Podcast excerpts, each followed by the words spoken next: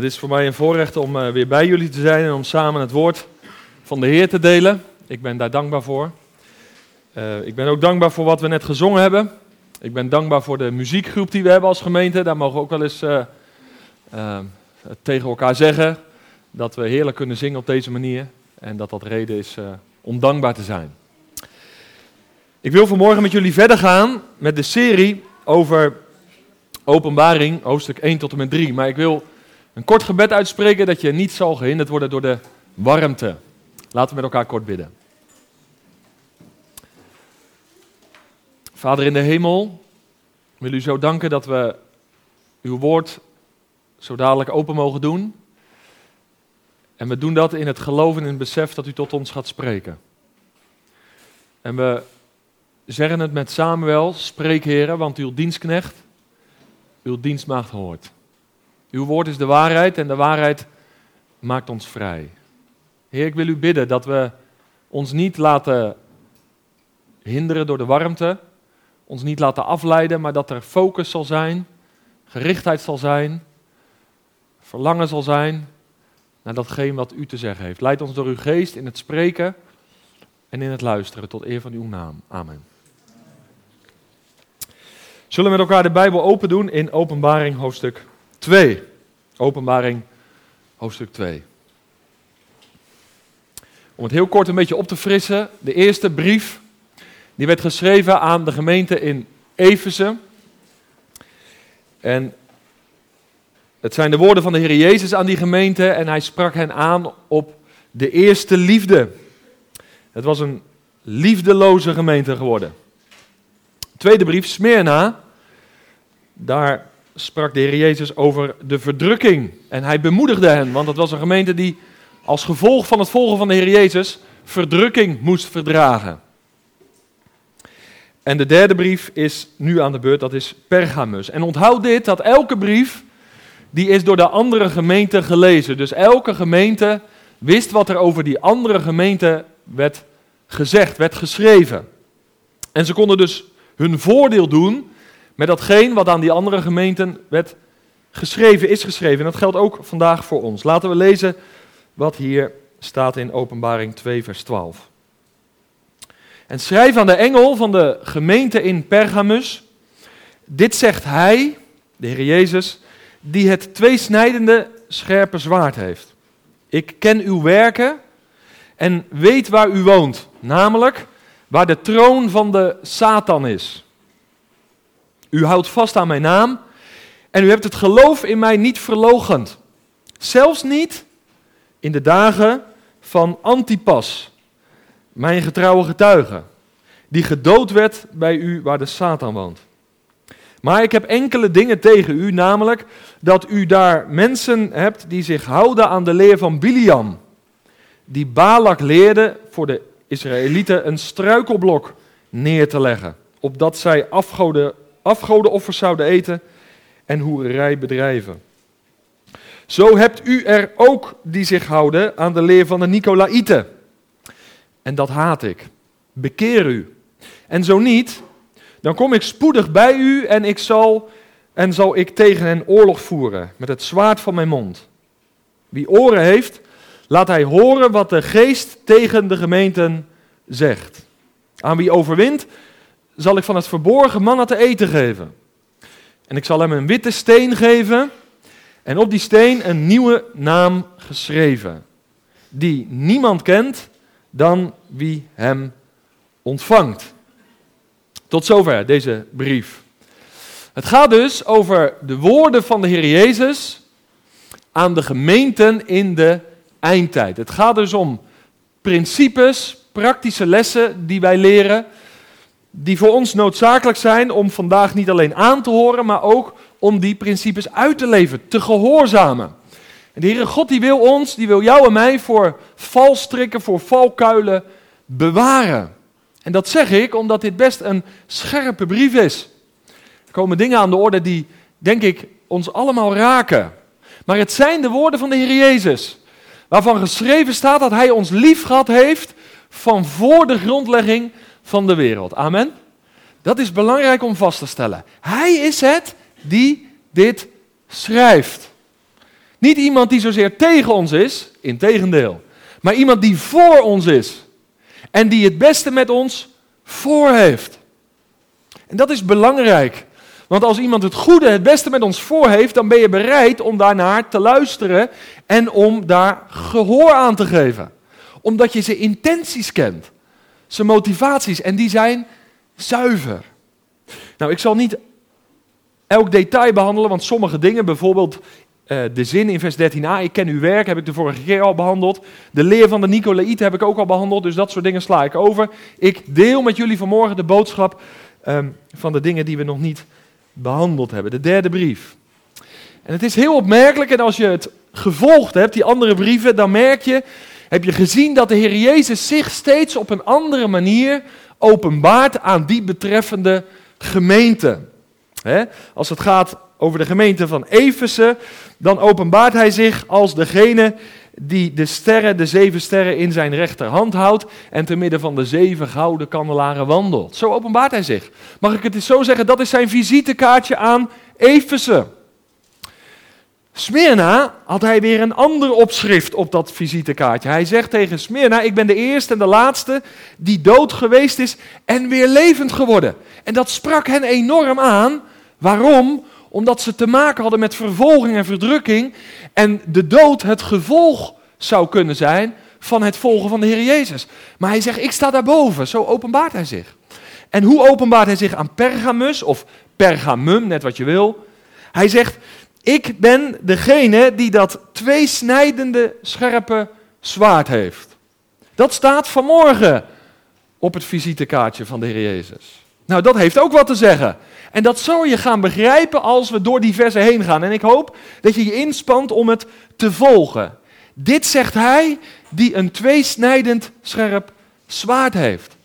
Dat is een heel bekende uitdrukking, komt verschillende keren in de Bijbel voor. En een van de eerste keren dat we dat tegenkomen, hoef je niet op te zoeken, maar dat is Jezaja, hoofdstuk 2. Daar staat, hij heeft mijn mond gemaakt als een scherp zwaard. En over wie gaat het dan?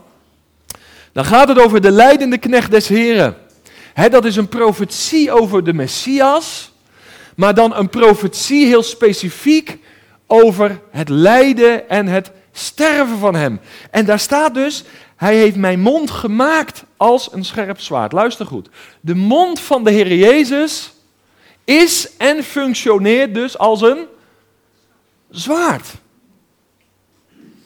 Zijn woorden waren vriendelijk en zijn stem was altijd zoet, zegt een lied in de bundel van Johannes de Heer. Maar hier lezen we de Bijbelse taal. Zijn mond is dus ook als een zwaard. En in Efeze 6, als je meeschrijft kan je dat opschrijven, vers 17. Daar lezen we ook over dat zwaard en daar staat het zwaard van de geest is Gods woord. Nou, als we het in openbaring 2, vers 12 hebben over dat zwaard, dan is dat zwaard een beeld van de Heer Jezus zelf. Van zijn spreken, van zijn woord. En heel specifiek heeft dat zwaard dit aspect in zich. Het is een woord van oordeel. En wat heeft dat tot gevolg? En dan kom ik direct al bij het eerste belangrijke principe. Dat wil zeggen dat als de Heere God door de Heer Jezus tot ons spreekt, en ik geloof dat Hij dat vanmorgen doet, dan spreekt Hij middels een zwaard. Zijn mond is als een zwaard, zijn woord is als een zwaard. En als je het mes ergens inzet, dan ontstaat er scheiding. En dit is zo belangrijk in de eindtijd daarom en dat zal je straks gaan merken, wat het probleem is in Pergamum, openbaart de Heer Jezus zich hier als een zwaard. Hij zegt, ik ga scheiding brengen. Scheiding waartussen? Nou, tussen licht en tussen duisternis. Het is heel mooi als je de eerste hoofdstukken van Genesis leest. Had God het licht geschapen, gemaakt en hij zag dat het goed was. De Heer Jezus is het licht van de wereld en de Vader sprak door die stem uit de wolk. Deze is mijn geliefde zoon in wie ik welbehagen heb. Hoort naar hem. Met andere woorden, dat licht, de Heer Jezus, de Vader stemde ermee in en hij zei, het is goed. En hier zie je weer dat het woord scheiding maakt tussen licht en duisternis, tussen waarheid en tussen leugen en heel degelijk, een beetje ouderwets uitgedrukt, maar het is wel waar, tussen schijn en zijn. Dat is het. Dat doe ik niet.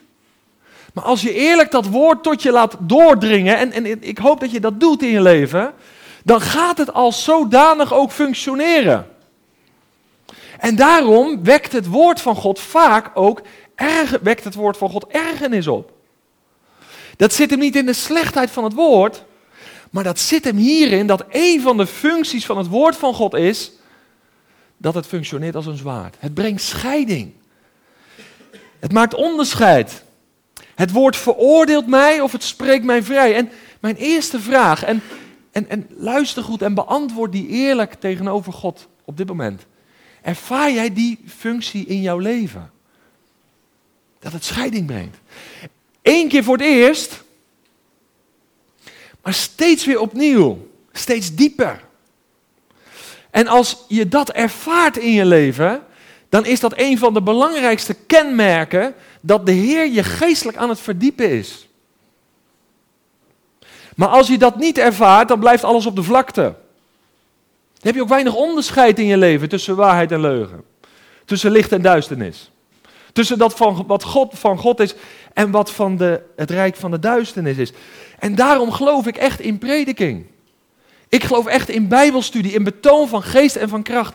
Want dat spreekt vrij, zodat je als een vrij mens door de wereld gaat.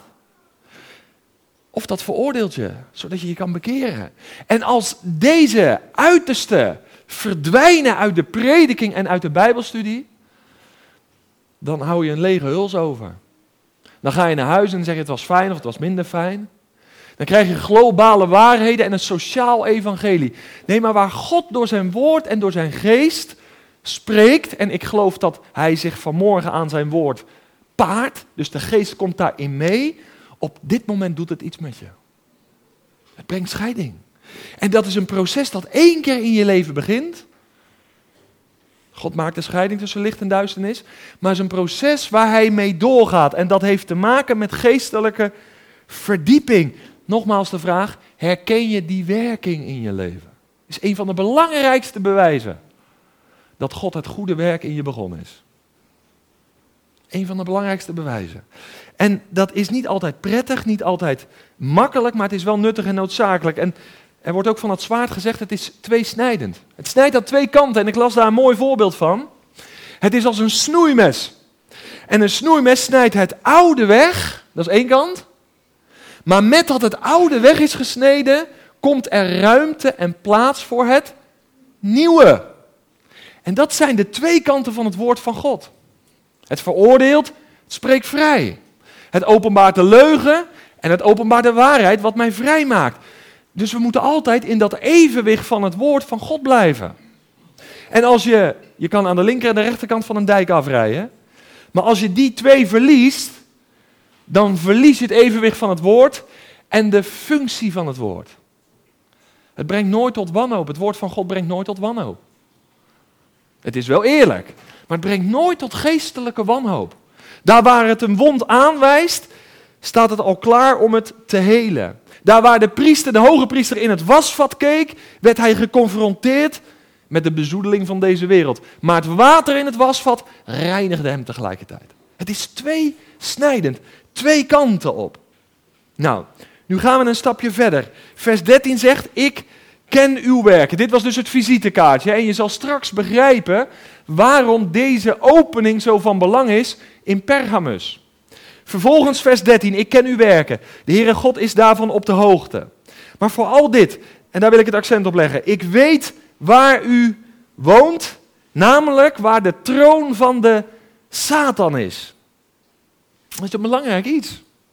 De Heere God, en dat is een geweldige bemoediging.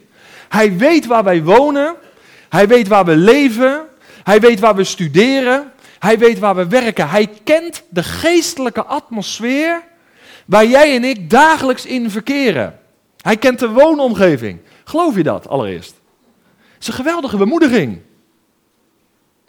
Want misschien bevind jij je wel in een omgeving dat je zegt: het is niet makkelijk om de Heer te dienen. Nou, één bemoediging kan ik je sowieso al meegeven en dat is deze. Ik weet waar je woont. En dat is degene die gezegd heeft: mij is gegeven alle macht in de hemel en op de aarde. Kijk, als ik het zeg, dan kan je zeggen, nou dat is een fijne gedachte. Jacques weet ook waar ik woon, dat ik het niet makkelijk heb. en ik kan voor je bidden. Maar als de Almachtige, de Alwetende, de Alomtegenwoordige dit zegt, die jij hebt leren kennen door het geloof, dan ben je bemoedigd vanmorgen. Dan heb je nu al bemoediging ontvangen. Ik weet waar je woont, waar je werkt en waar je leeft. Het is een plaats waar Satan troont. Het zijn niet heel prettige woorden allemaal vanmorgen, maar ja, het is de waarheid. Dat wil zeggen waar hij heerschappij heeft, dat is het. Nou, dat moet je niet verder vertellen, maar toen ik net tot geloof kwam, ik ben opgegroeid in Schravenzand in het Westland, eh, een beetje tussen Den Haag en Hoek van Holland in. En dat is geestelijk een hele schrale omgeving, een kille omgeving. Weinig christenen. Dat heeft ook een voordeel, want of je nou SGP stemde of ChristenUnie, maakt het niet uit. Je was blij als er een paar bij elkaar zaten. Die in ieder geval beleiden dat de God van de Bijbel de ware God is. Hè? Dus het lost ook veel problemen op, dat is de andere kant. Maar, maar het was geestelijk een, een, een, hele kille omgeving. En toen kwam ik tot geloof. En, en dat is heel radicaal gegaan.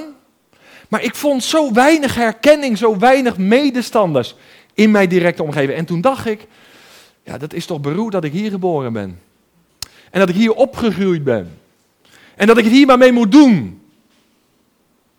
Dat is all in the game. En toen dacht ik, als je nou in de Ablasse Waard woonde. Of als je nou op de Veluwe zou wonen. Dat meen ik. En ik heb het wel eens naar de Heere God uitgeroepen. Waarom ben ik in deze tijd geboren? En waarom leef ik hier? Ik wil in die gemoedelijke, knusse omgeving wonen. Waar het zo makkelijk is om de Heer te dienen. Natuurlijk een beetje idealistisch denken, dat weet ik ook wel. Maar het was aanwezig in mijn hart. En ik heb dat met de Heer besproken. En dat ik ooit, geloof me, hier terecht zou komen, had ik nooit kunnen denken. Misschien heeft hij toch verhoord. Maar wat ontdekte ik toen ik hier was? Dat het helemaal niet zoveel makkelijker is om de Heer te volgen. Misschien kan ik beter in Schravenzanden zitten. hier heb ik met hele andere machten en krachten te maken. De troon van Satan, daar denk je natuurlijk aan allerlei uitspattingen van zonde, ongerechtigheid, wetteloosheid. Maar religie is er ook een, hè? Het is een hele andere macht. Het is een hele andere kracht. En dat is misschien nog wel een veel sterkere macht en kracht. En toen kwam ik met hele andere bolwerken in aanraking. Zo zie je, en daar wil ik naartoe, en dat wil ik, daar wil ik je mee bemoedigen. Uh, even los van waar je woont, waar je werkt, waar je leeft. Met de geest van God inwonend in mijn hart en leven, ben je in staat om op elke plaats in elke tijd, in elke omstandigheid te leven. Amen. Dit is zo belangrijk. Dit is zo belangrijk. Ik was vorige week op een conferentie van het Zoeklicht en daar sprak ik. En er waren drie mensen uit België. En, en ik weet niet of je een beetje die samenkomsten, nou ja, daar hoef je verder niet in te verdiepen, maar dat, dat, daar kunnen ze goed zingen. Daar zijn ze massaal aanwezig en, en daar kan het woord ruim open gaan. Kijken ze niet op de klok. Dat is heerlijk spreken daar. Maar die Belgen zaten daar en en, en, en die keken onderheen en die zeiden, wat gebeurt hier? Wij komen uit een gemeente van 30, 40 mensen. En, en wij zijn met zes broeders en zusters, we waren daar met z'n drieën. Maar met zes broeders en zusters behoren we tot het trouwe, toegewijde deel. De, de rest is nagenoeg liberaal. Heb je een gemeente van 30, 40 mensen. En daar leven we in. Nou, ik heb ze proberen te bemoedigen. Maar ik zeg, onthoud dit. Het voorhangsel is gescheurd. We hebben een toegang tot de Vader. En we mogen door de geest die in ons woont zeggen, Abba Vader, of je nou in België woont of hier, ik wil je echt bemoedigen om door te gaan. En toen zeiden ze, en daar ben ik op zich wel dankbaar voor, ja, we willen proberen om jou naar België te halen. Maar ik zei, dat moet niet je eerste doel zijn. Ik wil dat je er diep van overtuigd raakt dat God dezelfde is en dat Hij jou en mij in staat stelt om het leven van Jezus te leven door de kracht van Gods geest, door de kracht van Zijn genade, waar je ook bent. En dat mag je bemoedigen. Ook vanmorgen, of je nu ouder bent of dat je heel jong bent. De plaats waar Satan troont en heerschappij heeft. Nou, je moet even dit weten. Efeze, de eerste brief. Efeze was destijds de hoofdstad van de provincie Azië. Dus wat Amsterdam voor Nederland is, was Efeze voor Azië. En Pergamum was de residentie. Dus wat Den Haag in Nederland is, was Pergamum in Azië. En wat is nou interessant? In Pergamum werd dus geregeerd. Daar stond de troon. Daar werd het bestuur geregeld, de leiding van het land. Maar er stond dus nog een andere troon. Het was niet alleen de residentie, Maar het was ook de troon van Satan, de plaats waar hij heerschappij heeft. En laat het duidelijk zijn, er zijn ook in Nederland en in het buitenland plaatsen waar je de duisternis meer aan de lijve ondervindt dan op een andere plaats. Laat dat duidelijk zijn. Ik geloof dat dat te maken heeft met nog algemene genade van God. De aanwezigheid van Gods kinderen, de, de, de gebeden die opgezonden worden. De ene plaats is meer duister dan de andere. Maar in Pergamus regeerde Satan. En ik kan een hele lijst noemen, maar ik ga het behouden, houden bij drie. Um, onder andere werd daar in Pergamus de keizer Caesar aanbeden. Een mens werd goddelijke eer toegebracht. Dat is een gevaar, ook vandaag. Binnen en buiten de kerk. Tweede, daarnaast diende men de Griekse god Zeus. Hè, dat was gezien als de heerser over de hemel en de aarde. De vader van alle goden en de vader van alle mensen. Zeus werd daar ook aanbeden. En als laatste, als ik het goed uitspreek, maar ik moet voorzichtig zijn wat ik hier zeg. De derde afgod was Asclepios, de god van de geneeskunde. En ik heb het er met net nog over gehad, de esculaap, weet je wat dat is? Dat is die staf met die slang daaromheen. He, die zien we nog bij huisartsenposten en, en noem maar op. Nou, die God werd daar aanbeden. De God van de geneeskunde en van de genezing. Nou, drie goden kan het aanvullen. Maar Satan, die won daar en die heerste daar. En nu kom ik bij een belangrijke gedachte. Want in deze plaats, dat is heel belangrijk, waar Satan troonde en heerschappij had, is ook een groep christenen. Is de gemeente van de Heer Jezus Christus. En je zou misschien zeggen, ik ga gelijk verhuizen. Nee, maar daar is juist waar God wil werken. Uiteindelijk moeten we zeggen, welke plaats je ook woont. Met het woord uit 1 Johannes 5 vers 19. Wij weten dat heel de wereld in het boze ligt. Waar je ook woont. Het zit niet per se in een stad of in een dorp. En het Johannesevangelie, daar spreekt de Heer Jezus tot drie keer toe over de Satan als de overste van de wereld. Samenvattend dit. De tegenstander kan in de een of de andere plaats krachtiger aanwezig zijn. Daar kan je meer of minder de duisternis ervaren. Maar weet dit, dat uiteindelijk deze wereld op dit moment het machtsgebied van de tegenstander is. Het ligt in het boze. En dat moet je beseffen, dat hoef je niet te ontmoedigen, maar dat is wel wat we aan de lijve ondervinden, dag in dag uit, waar je woont, werkt, studeert. We zijn daarom ook niet thuis. En naar de mate dat Gods geest ons meer vervult, naar die mate zal je ook ervaren in je leven dat je vreemdeling hier bent. Dat je hier niet thuis bent. Iemand die oppervlakkig leeft, en ik ga hier over deze dingen met hem in gesprek of met haar, die zegt, nou het valt allemaal nog wel mee joh. Maar dat komt omdat hij geen onderscheidingsvermogen heeft. Hij ziet het verschil niet tussen licht en duisternis, tussen waarheid en tussen leugen. Weet je, ik, ik, ik ben geen profeet. Maar ik voel vaak in mijn geest aan de dingen die goed zijn, die niet goed zijn. Zonder dat het letterlijk omschreven staat. Als ik ergens kom, dan proef ik in mijn hart een bepaalde atmosfeer die deugt of die niet deugt. Op basis waarvan ik zeg, ik ga hier niet heen of ik ga hier wel heen. Herken je dat? En ik geloof dat dat te maken heeft met de afstemming, de fijngevoeligheid voor de leiding van de Heilige Geest. Want een van de belangrijkste werkzaamheden van de Heilige Geest is dat hij leidt in de waarheid. En dit is belangrijk voor een kind van God. Dat je fijngevoelig bent voor de leiding van Gods Geest. Dat wordt niet altijd begrepen, maar leer om die stem te verstaan en te gehoorzamen. Ik herhaal, met de geest van God kan je zelfs op een plaats wonen waar de troon van de Satan is. Maar wat is de kernvraag? Daar komt hij. Daar komt hij. Wie beïnvloedt wie? Dat is de kernvraag. Het gaat er niet om waar je woont. Dat is vaak allemaal gemoedelijkheid. Daar moest ik afstand van doen. En ik kwam in de rauwe werkelijkheid ook van de Ablasse te staan, de geestelijke werkelijkheid. Begrijp je wat ik bedoel? Maar de vraag is, wie beïnvloedt wie? En dat is het probleem ook hier in Pergamus. Kijk, we weten hier in de omgeving met scheepswerven wel. Een schip in het water is prima. Dat is geweldig. Maar water in het schip, dat wordt minder. Dat moet niet te lang duren. dat, dat is het. Wie beïnvloedt wie? Beïnvloeden wij onze omgeving of beïnvloedt de omgeving ons? En dat bemoedigt mij altijd uit levens van Jozef en van Daniel Het waren allemaal Hebreeuwse mannen. Die trouw waren in de toewijding aan de eeuwige. Maar ze leefden aan een heidenshof. En dat, dat leert mij dat het mogelijk is om vandaag gepassioneerd in een godenvijandige wereld te leven. En vroeger dacht ik altijd, ik ben slachtoffer. Ik zit in het hoekje waar de klappen vallen. Een wit weggetrokken gezicht, maar ja, dat is het gevolg van het volgen van Jezus. En, en, en dat zou dan het, het kenmerk van ware godzaligheid zijn. Maar we staan in de wereld, maar we zijn geen slachtoffer. We zijn meer dan overwinnaar, kom ik zo op. Alleen we moeten de dingen wel eerlijk onder ogen zien, zodat je kan reageren op je omgeving. En luister goed, dat die omgeving jou niet beïnvloedt, maar dat je als schip op het water drijft en koers houdt. En er geen water in het schip komt. Ik ben de laatste tijd heel veel aan het luisteren van broeder Zek Poenen. En hij zegt dit, dat is heel mooi.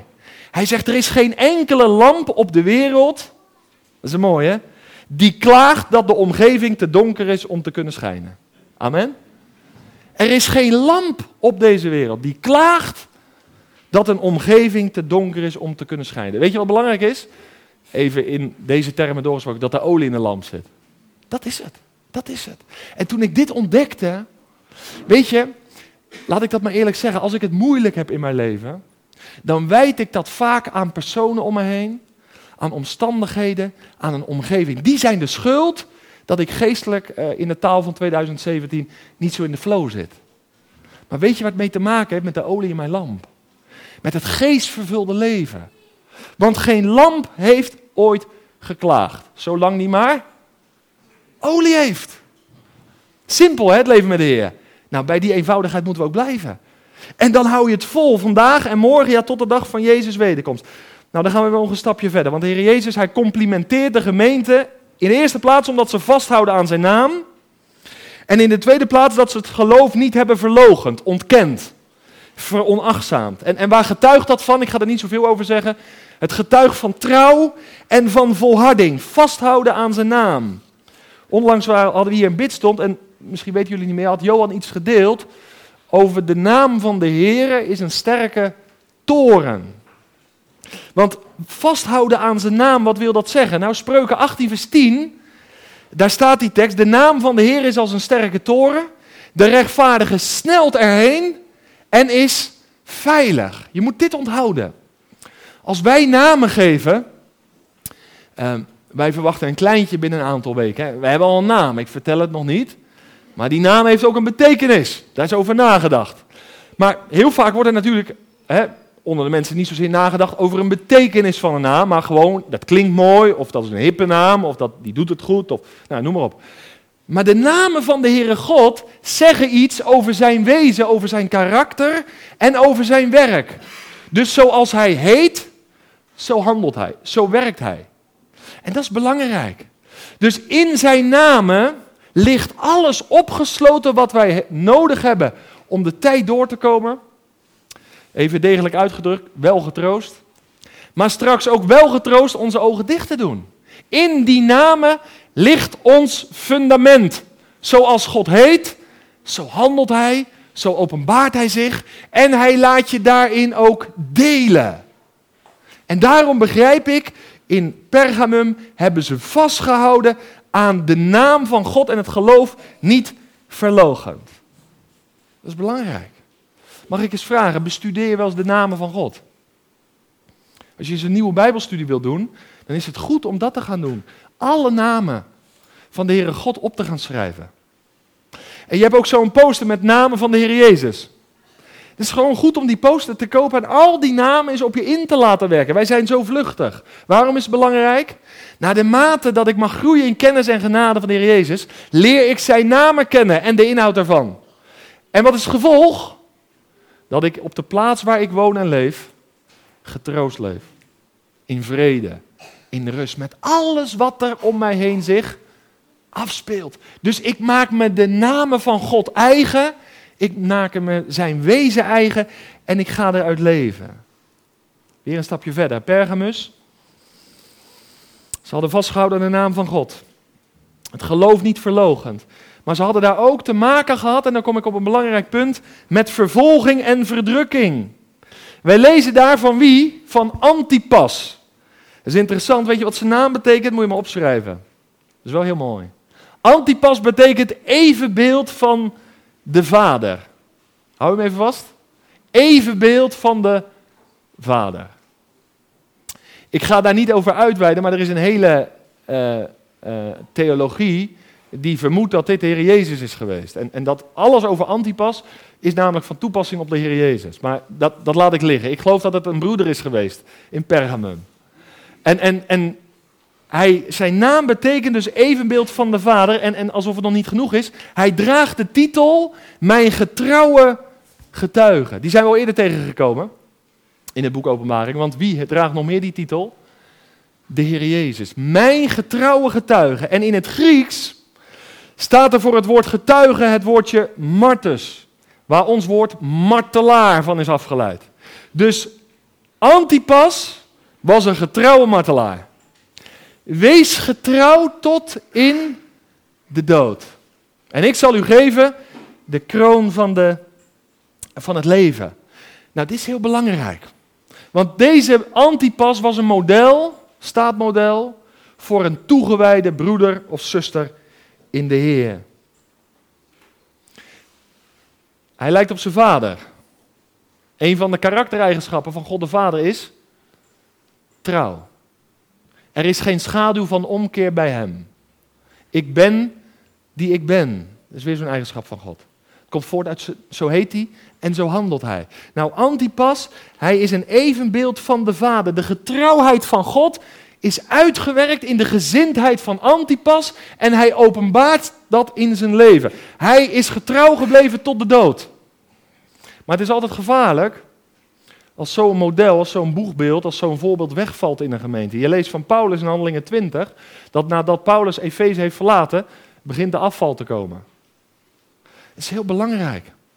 Dat niet één iemand of enkelingen zulke modelrollen vervullen, maar dat de christelijke gemeente van Alblasserdam een gemeente is waar er velen zo'n modelrol vervullen.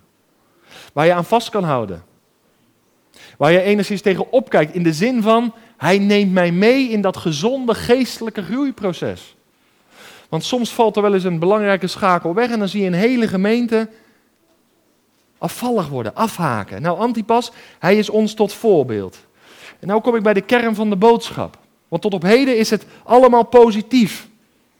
Antipas modelrol, het geloof niet verlogend. En wat hadden we nog meer tegen elkaar gezegd? Um, hij heeft vastgehouden aan de naam. Maar nou heeft de Heere God wat tegen deze gemeente. En nu moet je op gaan letten, want nu gaat het ook over jou en over mij. Ik heb tegen u, laten we vers 14 nog een keer lezen. Maar ik heb enkele dingen tegen u, namelijk dat u daar mensen hebt die zich houden aan de leer van Biliam. Die Balak leerde voor de Israëlieten een struikelblok neer te leggen, opdat zij de afgodenoffers zouden eten en hoererij zouden bedrijven. De Heer Jezus begint weer met complimenten. Nou, dat hebben we hier geleerd. Hè? Eerst het positieve, wat hij waardeert, waar hij blij mee is. Maar nu komt de leer van Biliam. En die leer van Biliam, probeer dit stukje te volgen, het is best een beetje lastig, uh, heeft tot uh, kern, die leer, dat hij een valstrik, een val, een hindernis wil leggen. Struikelblok. Dat is de kern van de leer van Biliam. Daar kan je het mee samenvatten. Een struikelblok. Nou, blader ondertussen met mij naar nummer 25. Nummer 25. De leer van Biliam. Want het is interessant als de Heer Jezus in de eindtijd zegt: Ik heb tegen u. Dat wij kennis nemen, waar was de Heer Jezus nu tegen? Waar had hij grote moeite mee? Waar moest die gemeente zich van bekeren? Nou, de leer van Biliam. Het opwerpen van struikelblokken. Nummer 25, het eerste vers. Eerst even dit. Het gaat in die voorgaande hoofdstukken, want ik kan niet alles lezen, dat mag je vanmiddag thuis in het zonnetje doen. Het gaat in die hoofdstukken over koning Balak, en die was koning van Moab. En die had Biliam ingehuurd. Uh, Biliam was uiteindelijk een waarzegger die had Biliam ingehuurd om Israël te vloeken. Maar het is hem niet gelukt, de Heer verhinderde het. En wat deed hij uiteindelijk? Hij zegende Israël. En het plan van Balak is niet gelukt. Weet je wat Balak betekent? Verwoester, vernietiger. Nou, en nou zegt Biliam, nou ja, dat vloeken dat heb ik niet gedaan, het is een zegen geworden. Maar mag ik, luister goed hoor, mag ik je nog een suggestie doen om toch dat volk van Israël klein te krijgen? Ik heb een plan voor je. En, en neem mij advies aan, want het gaat werken. Dat is de leer van Biliam. Uh, Biliam is misschien wel de eerste geldprediker. Als je een beloning uitschrijft, dan uh, krijg je veel voor elkaar, ook in de kerk vandaag. Als je zo, weet je, zo praat, dan praten ze zo. En wil je die kant op, dan betaal me, dan ga ik die kant op. Je kan het hebben zoals je, je krijgen zoals je het hebben wilt. Geldpredikers, dat is gevaarlijk, ook vandaag. Nou, wat lezen we dan van de suggestie van Balak, vers 1. Israël verbleef in Sittim en het volk begon hoererij te bedrijven met de dochters van Moab. Dat is de eerste.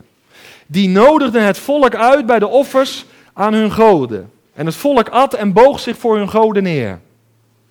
En toen Israël zich aan ba Baal Peor koppelde, ontbrandde de toren van de Heere tegen Israël. En de Heere zei tegen Mozes, neem alle hoofden van het volk en laat hen voor de Heer in volle zon ophangen. Zodat de brandende toren van de Heere van Israël afgekeerd wordt. Toen zei Mozes tegen de rechters van Israël: Ieder moet zijn mannen doden die zich aan Baal Peor gekoppeld hebben. En dan hoofdstuk 31, het zesde vers.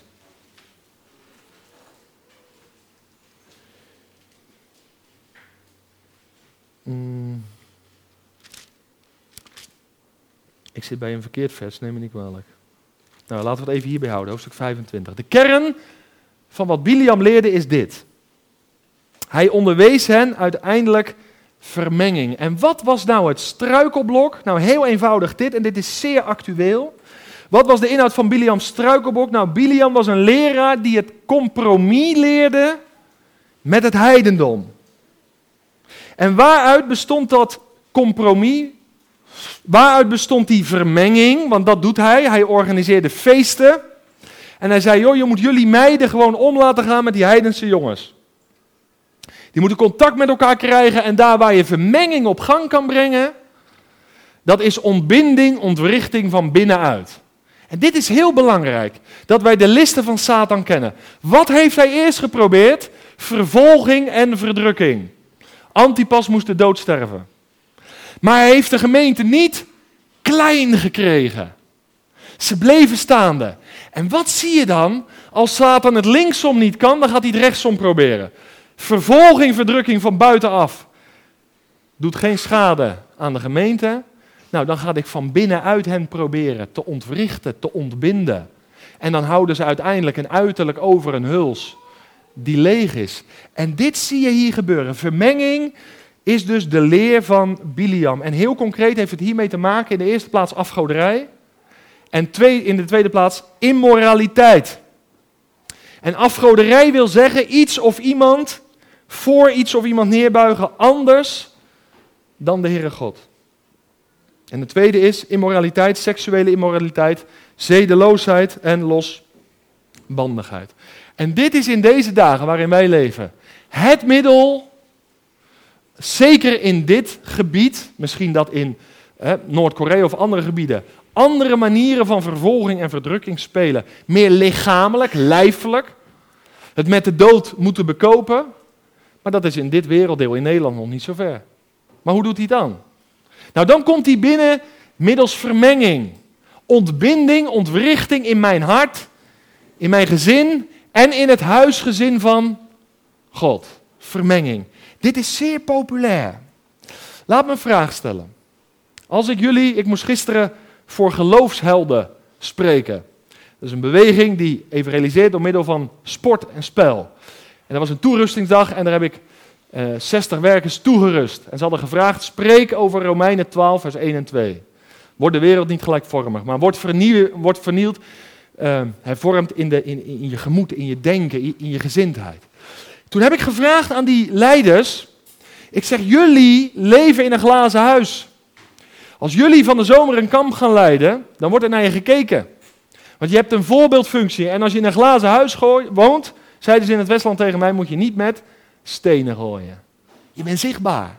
Dus je bent een voorbeeld. Toen vroeg ik aan hen, wat betekent voor jullie wereldgelijkvormigheid? Roep maar. En er kwamen allerlei antwoorden naar voren. Maar weet je, toen ik hier van de week over nadacht, het is nog niet zo makkelijk om wereldgelijkvormigheid te definiëren en toe te passen. Want het is net welke aanvliegroute heb je. Kijk, als je van rechts komt, nou ja, dan heb je bepaalde ideeën over wat wereldgelijkvormigheid is. Maar kom je van links, ja, dan heb je ook zo je eigen ideeën. En de uitdaging is vandaag om te kijken wat zegt de Bijbel erover. Ik moest denken aan wereldgelijkvormigheid, aan die zondagschoolplaat, hè, de brede en de smalle weg. En, en is dan alles wat op die brede weg wordt afgebeeld, is dat dan wereldgelijkvormigheid? Als kind kon ik daar uren naar kijken. En je zag al die mensen plezier hebben en lol hebben. En de een ging daarop uit en de ander ging daarop uit, de een genoten. Is dat wereldgelijkvormigheid? En dat lees je en dat pas je dan toe op vandaag. Nou, ik denk dat daar grotendeels een waarheid in zit, zeker. Maar wereldgelijkvormigheid is veel dieper. laat ik maar even uit mijn verleden iets ophalen. Kijk, en, en het hebben van een televisie werd als wereldgelijkvormigheid beschouwd. Maar iets te veel drinken, dat, dat was het dan weer niet. Dus we gaan onderscheid maken waar het is. Nou ja, goed, ik, ik stop met details. Ik kan een hele lijst maken. Maar je voelt wel aan, wat, wat, wat is het nu? Het is niet zo makkelijk. Je kan het misschien wel makkelijk vertellen, maar om het toe te passen. Nou, laten we even met elkaar naar 1 Johannes 2 gaan. Ik vond het heel bijzonder dat Peter, we hebben dat niet overlegd, maar dat jij dat las. Want ik denk dat Johannes ons helpt om het wat concreter te maken. En ik hoop dat jullie dit ook belangrijk vinden, want de leer van Biliam is vermenging, uitholling, ontbinding, van binnenuit. Maar weet je welk gevaar je loopt om een soort moraalridder te gaan worden? Dat is gevaarlijk. Je moet ook weer niet, niet wereldvreemd zijn. Hè? Paulus was ook een man van zijn tijd. Maar tegelijkertijd was hij niet van de wereld. En ik vind dat lastig om uit te leggen. Ik kan wel een paar one-liners erin leggen. Maar of je daarmee echt geholpen bent, is nog maar de vraag. Wereldgelijkvormigheid, het is iets wat Jezus haat. Laat dat heel, heel duidelijk zijn. Maar wat is het? We leven namelijk in een wereld die in meer of mindere mate wordt beïnvloed, waarin we in meerdere of mindere mate worden beïnvloed door de geest van de wereld. Als het gaat over het woord wereld, dan is het eeuw, dan is het periode uh, die gekenmerkt wordt door zonde en ongerechtigheid. Dat is de eeuw waarin wij leven, de bedeling waarin wij leven, als je dat wil horen. Die tijdsperiode. En door wie wordt die beheerst, die tijd? Door Satan. En een van de namen van Satan is leugenaar. Mensenmoorder staat er van de beginnen. Moet je even, over, even onthouden. Dat is de eeuw, de tijdsperiode waarin wij leven. Onder heerschappij van Satan. En zijn naam is leugenaar. Mensenmoorden van de beginnen. Nou, dan moet ik alert zijn op dat wat bij mij binnenkomt. Nou, wat lezen we nu in 1 Johannes 2? Peter heeft het al gelezen. We lezen nog het volgende, vers 15. Heb de wereld niet lief, ook niet wat in de wereld is. Als iemand de wereld lief heeft, is de liefde van de Vader niet in hem. Want al wat in de wereld is, de begeerte van het vlees, de begeerte van de ogen en de hoogmoed van het leven, is niet uit de Vader, maar is uit de wereld. En daar komt een een, een uitleg uh, wordt eraan toegevoegd, een, een toepassing, een aansporing. En de wereld gaat voorbij. Kijk, als dat ene, vers 15 nou helemaal, of 16, helemaal je leven is, dan is vers 17 heel confronterend. Daar waar je helemaal in vastpint, daarvan zegt de Bijbel tegelijkertijd, gaat voorbij. Dus je pint je iets ergens in vast, je zet je tanden erin, ik laat het nooit meer los, dit is mijn leven. En dan in één keer de confronterende waarheid, de wereld gaat voorbij. Met andere woorden, het is als water wat door je vingers gaat. En dit is het allermoeilijkste voor een christen, geloof me vandaag. Om te leven bij de dingen die nog onzichtbaar zijn. Dat is moeilijk. Want de dingen die zichtbaar zijn, is dat wat de ongelovige wereld ons aanbiedt. Het systeem van de wereld, hun denkpatronen, hun leefschema's. Zichtbaar, tastbaar en voor een mens dus aantrekkelijk. Maar nou zegt de Bijbel, nou moet je niet leven voor dat zichtbare, want dat gaat voorbij, maar voor het onzichtbaar. Dit is de strijd in jou mijn hart. Herken je dat? En ik geloof dat de Heer ons op dit punt wil laten overwinnen. Wat wordt hier genoemd? Als eerste, begeerte van het vlees. Nou, dat zijn de bevrediging van mijn lichamelijke behoeften. In de ruimste, in de breedste zin van het woord. En ik ga het niet allemaal invullen, je kent het lijstje. Dit is het. Als jij zo gedreven wordt door lichamelijke behoeften, door wat jouw vlees verlangt, en er moet ook direct aan die behoeften, uh, die moeten bevredigd worden, dat is wereldgelijkvormigheid. Jij beheerst jouw lichamelijke verlangens niet, maar jouw lichamelijke verlangens beheersen jou. Dat is het. En dat heeft niet alleen met, met seksualiteit te maken of wat dan ook, maar dat kan ook eetgedrag zijn, drinkgedrag zijn. Als jij per se moet drinken, en geloof me, ik lus ook graag een glas, rode wijn, maar als het mij gaat beheersen, dan is het wereldgelijkvormigheid. Als ik niet de keuze kan maken, doe het niet, en vul al die andere dingen in, hè, dan ben je wereldgelijkvormig, dan moet je je bekeren. Het tweede wat hier staat, is de begeerlijkheid van de ogen. Waar moet je aan denken? hebzucht, materialisme, jaloezie. Dat is niet van de Vader, maar dat is van de geest van deze wereld. Je ogen zo de kost geven en alles wat je ziet verlangen en begeren, is de geest van de wereld. Mag ik eens vragen, is er jaloezie in je hart? Het verlangen naar meer en meer. De Bijbel zegt, wees vergenoegd met je bescheiden deel. Dat is ook een belangrijke les voor mij. Ik zie zoveel om me heen. Ik weet wat mooi is, wat aantrekkelijk is. Maar tevreden te zijn. Ik ben tevreden. Eenvoudig te leven. Geen goud of zilver. Is mij hier toevertrouwd. Zie je, daar verschillen we in van de wereld. We leven niet meer voor eer, voor status. Dat is het volgende, het derde. Grootheid van het leven. Dat heeft daarmee te maken. Eer, trots, hoogmoed. Weet je hoeveel mensen er vandaag leven? Voor status, voor eer. Eh, stellen en, en de uitzonderingen daar gelaten om de goede reden. Maar, maar hoeveel werken niet om alleen maar hun status en eer hoog te houden? Ondertussen is er ontbinding in een gezin of in een huwelijk of wat dan ook. Dit is eindtijd. Dit is wereldgelijkvormigheid. Leven voor het hier en nu.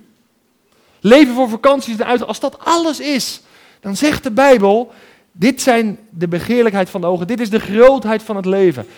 En dit maakt je vroeg of laat innerlijk kapot. Mag ik het samenvatten? De geest van de wereld is dat de mens zichzelf tot doel, tot middelpunt stelt. En schrik niet, ik ga beginnen met afronden. 2 Timotheus 3 zegt over de eindtijd, 2 Timotheus 3 vers 5, dat mensen in die tijd, en ik geloof echt dat dat profetisch voor vandaag geldt, dat mensen een schijn van godsvrucht hebben, maar de kracht ervan hebben verlogend. Dit is het meest aangrijpende.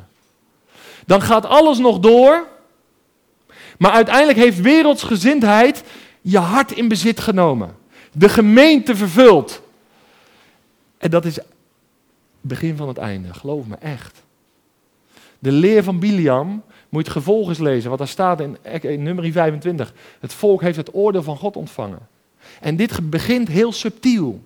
Kijk, weet je, wereldgelijkvormigheid, dan moet je niet allereerst aan uiterlijke dingen denken. Maar nou komt die, wereldgelijkvormigheid begint in ons denken. En nou kom ik terug bij openbaring 2. Want wat staat er op het laatste? Bekeer je. En daar staat heel specifiek, en dat woord kennen jullie inmiddels van mij, het woord metanoia. Dat is één betekenis van bekeer. En dat wordt precies hier genoemd. En dat is het geheim. Want wij worden beïnvloed in ons denken. Het woord metanoia betekent kom tot nadenken, kom tot je verstand. Waar begint bekering vandaag? Eén keer voor het eerst en steeds weer opnieuw. Bij vernieuwing van mijn denken. Daar waar ik het woord van God toelaat in mijn denken, zijn principes voor het leven, legt hij de leugen in mijn hoofd, in mijn denken bloot. Waarom? Opdat ik er afstand van kan doen. Als ik mij bekeer van die wereldsgezindheid, dat betekent dat ik de principes voor het leven, voor het huwelijksleven, voor het gezinsleven, voor het leven in de gemeente, die waarheden laat ik tot me doordringen. Daar voed ik me mee, daar vul ik mijn hart mee. Als gevolg daarvan ga ik zo leven. Ik geloof in prediking, in de kracht van prediking. Ik geloof echt in de kracht van Bijbelstudie. Vernieuwing in denken leidt tot nieuwe levens. Wat zegt Jezus tegen de gemeente in Pergamum? Bekeer je. Waar begint het? Metanoia. We moeten anders gaan denken. Broeders en zusters, mag ik je echt ertoe oproepen om het woord van God te bestuderen. En te blijven bestuderen. En te blijven bestuderen. En je zal vrij worden in je denken. Je zal fijngevoelig worden voor wat leugen is, voor wat waarheid is. Voor wat licht is, voor wat duisternis is. Je voelt het gewoon haarfijn aan. En dan mag je je weg in ontspannenheid met de Heer gaan. Maar laat wereldgelijkvormigheid geen grip op je hart krijgen. Want anders geeft Jezus ook ons zijn oorlogsverklaring. Want wat staat er in die laatste verse? Zo niet. Als vermenging niet radicaal en totaal wordt afgebroken, dan kom ik met het zwaard. En dat is een beeld van het oordeel. Maar dat wil de Heer niet. Ik geloof het niet, want hij stuurt aan op de overwinnaars. Vind ik altijd zo mooi. En wat raakt mij in het woord van God? Steeds weer. En ik hoop dat je dat herkent. Dat de Bijbel een eerlijk boek is. De Heere God wil het beste voor ons. De Bijbel zegt dat wij in Christus meer dan overwinnaar zijn. Maar dat niet in theorie alleen, maar ook in de praktijk. En dat is waar hij op aanmerkt. Overwinning betekent hier in vers 17 dat je de zonden uitbandt en dat je de biliams uitbandt uit je leven, de struikelblokken. Dat is overwinning. En ik zou bijna willen vragen, wie van jullie zou zijn vinger op willen steken en zeggen, ik hoor tot deze categorie mensen. En er wordt te snel gezegd dat dat niet meer kan. Dat dat onmogelijk is. Maar de Heer verlangt overwinnaars. En wat is de beloning? Dat is het laatste. Vers 17. Hij zegt, als eerste mag je eten van het verborgen manna. Voor die overwinning is beloning. En wat betekent dat nou? Is een beeld van het ware, eeuwige leven in het koninkrijk van God. En dat manna van God is ten diepste de Heer Jezus zelf. Luister, dat koninkrijk is nu eigenlijk nog verborgen. En de Heer Jezus is ook enigszins verborgen. Maar straks gaat hij aan publiek zijn koninkrijk vestigen.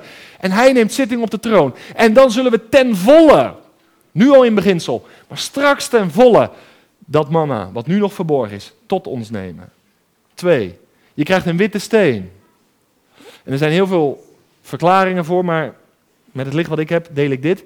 Na een sportwedstrijd, nadat je gewonnen had, ontving je een witte steen. Als teken van, jij hebt de overwinning behaald. Er is ook een lied van. U heeft de overwinning behaald over de Heer Jezus. En hij laat ons erin delen. Hij geeft ons een witte steen als teken, je bent een overwinnaar.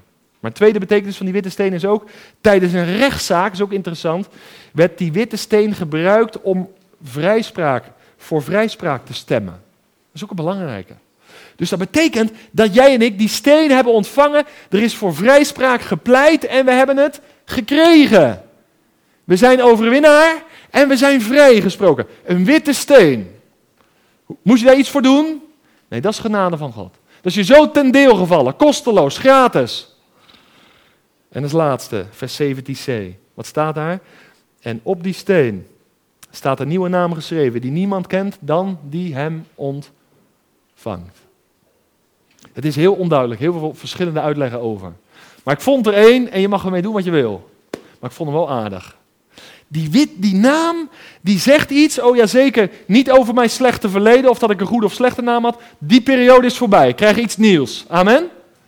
Maar het is ook deze naam die niemand kent dan die hem ontvangt. Ik krijg hem dus van iemand en ik ben de enige die hem kent.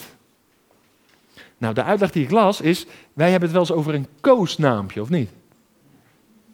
Een koosnaampje, in een hechte relatie.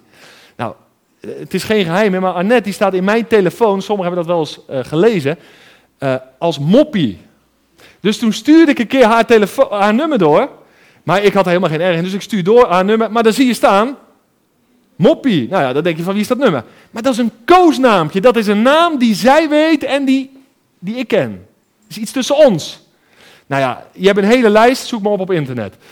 Die intieme relatie, ik noem jou zo, dat is iets van mij naar jou toe. Koosnaampje. Nou, ik geloof, met eerbied gesproken, we krijgen een nieuwe naam. Die alleen degene kent die hem ontvangt. En dat zegt iets over de intieme relatie. Krijg een steen, vrijgesproken, overwinnaar. Ik mag ten volle de Heer Jezus genieten. En hij gaat me noemen met een naam die uitdrukking geeft aan dat unieke, aan die unieke relatie. Vind je dat niet mooi? Dus ik ben benieuwd welke naam hij mij gaat geven, maar ik ga hem ontvangen. Nou, dit is het wat ik wilde delen. De brief aan Pergamus. Een actuele brief, ook voor de christelijke gemeente van Alblasserdam. De gemeente collectief, maar ook de gelovigen individueel. Ook voor mij. En laat ik hiermee afsluiten. En ik heb dat eerder gezegd en ik wil jullie ervoor bewaren en mezelf. Ik zie veel mensen vandaag afhaken. En waar denk je dat het afhaken mee is begonnen? Roep eens iets. Waardoor haken veel mensen van de kerk en de toewijding aan de Heer af? Waar is het begonnen, denk je? Wereldgelijkvormigheid. Vermenging. De leer van Biliam is 9,5 van de 10 keer de reden dat men afhaakt. Minder enthousiast wordt en kritisch wordt naar de toegewijde mensen. Amen. En ik kan namen noemen uit mijn directe omgeving waar dit het geval is. Wereldgelijkvormigheid is het einde van de zaak. Geloof me. En wat zegt Jezus tegen Pergamum? En het raakt me, ik meen het, ik ben hier doorheen gegaan. En wat zegt hij tegen ons? Word niet gelijkvormig aan deze wereld. En ik ga jou niet het ben een schaatje knippen. Dit is wereldgelijkvormigheid. Toets je leven. Wat staat er boven Jezus in jouw leven? Welke patronen, welke denkschema's kenmerken jouw leven? De Heer wil dat wij behoren bij overwinnaars. En hij zoekt vandaag broeders en zusters als Antipas. Wat betekent zijn naam? Evenbeelden van de Vader. Hij zoekt antipassen. Meer antipassen vandaag. En de vraag waar ik mee wil eindigen, die heeft hiermee te maken. Als we nou vanmorgen zeggen, en ik hoop echt dat dat je verlangen is. Ik wil behoren tot de categorie van antipas. Zelfs al moet ik het met de dood bekopen. Ik wil behoren tot de categorie van overwinnaars. Nou, om tot die categorie te behoren, moeten we als gemeente en persoonlijk ons eerlijk de vraag stellen, dan gaan we even stil worden. Wat zijn vandaag de Biliams in mijn leven? En wat bedoel ik dan? Dan bedoel ik met Biliams, wat zijn vandaag in mijn leven de struikelblokken, de valkuilen, de strikken? En ik wil vragen of je eerlijk tegen de Heer wil zeggen, als die er zijn, dat je ze in het licht brengt vandaag, jouw Biliams, jouw struikelblokken. De Heer heeft met je gesproken. En ik heb het niet tot in detail ingevuld, maar Hij spreekt op dit moment door zijn woord en door zijn geest tot jou en tot mij. En wat wil Hij? Hij wil jou vrijmaken van dat wat Christus niet is. Zodat je behoort tot die categorie waarvan de Bijbel zegt, die overwint. Ik zal hem geven. Het verborgen manna, de witte steen, met een nieuwe naam. Zullen we stil worden voor de Heer?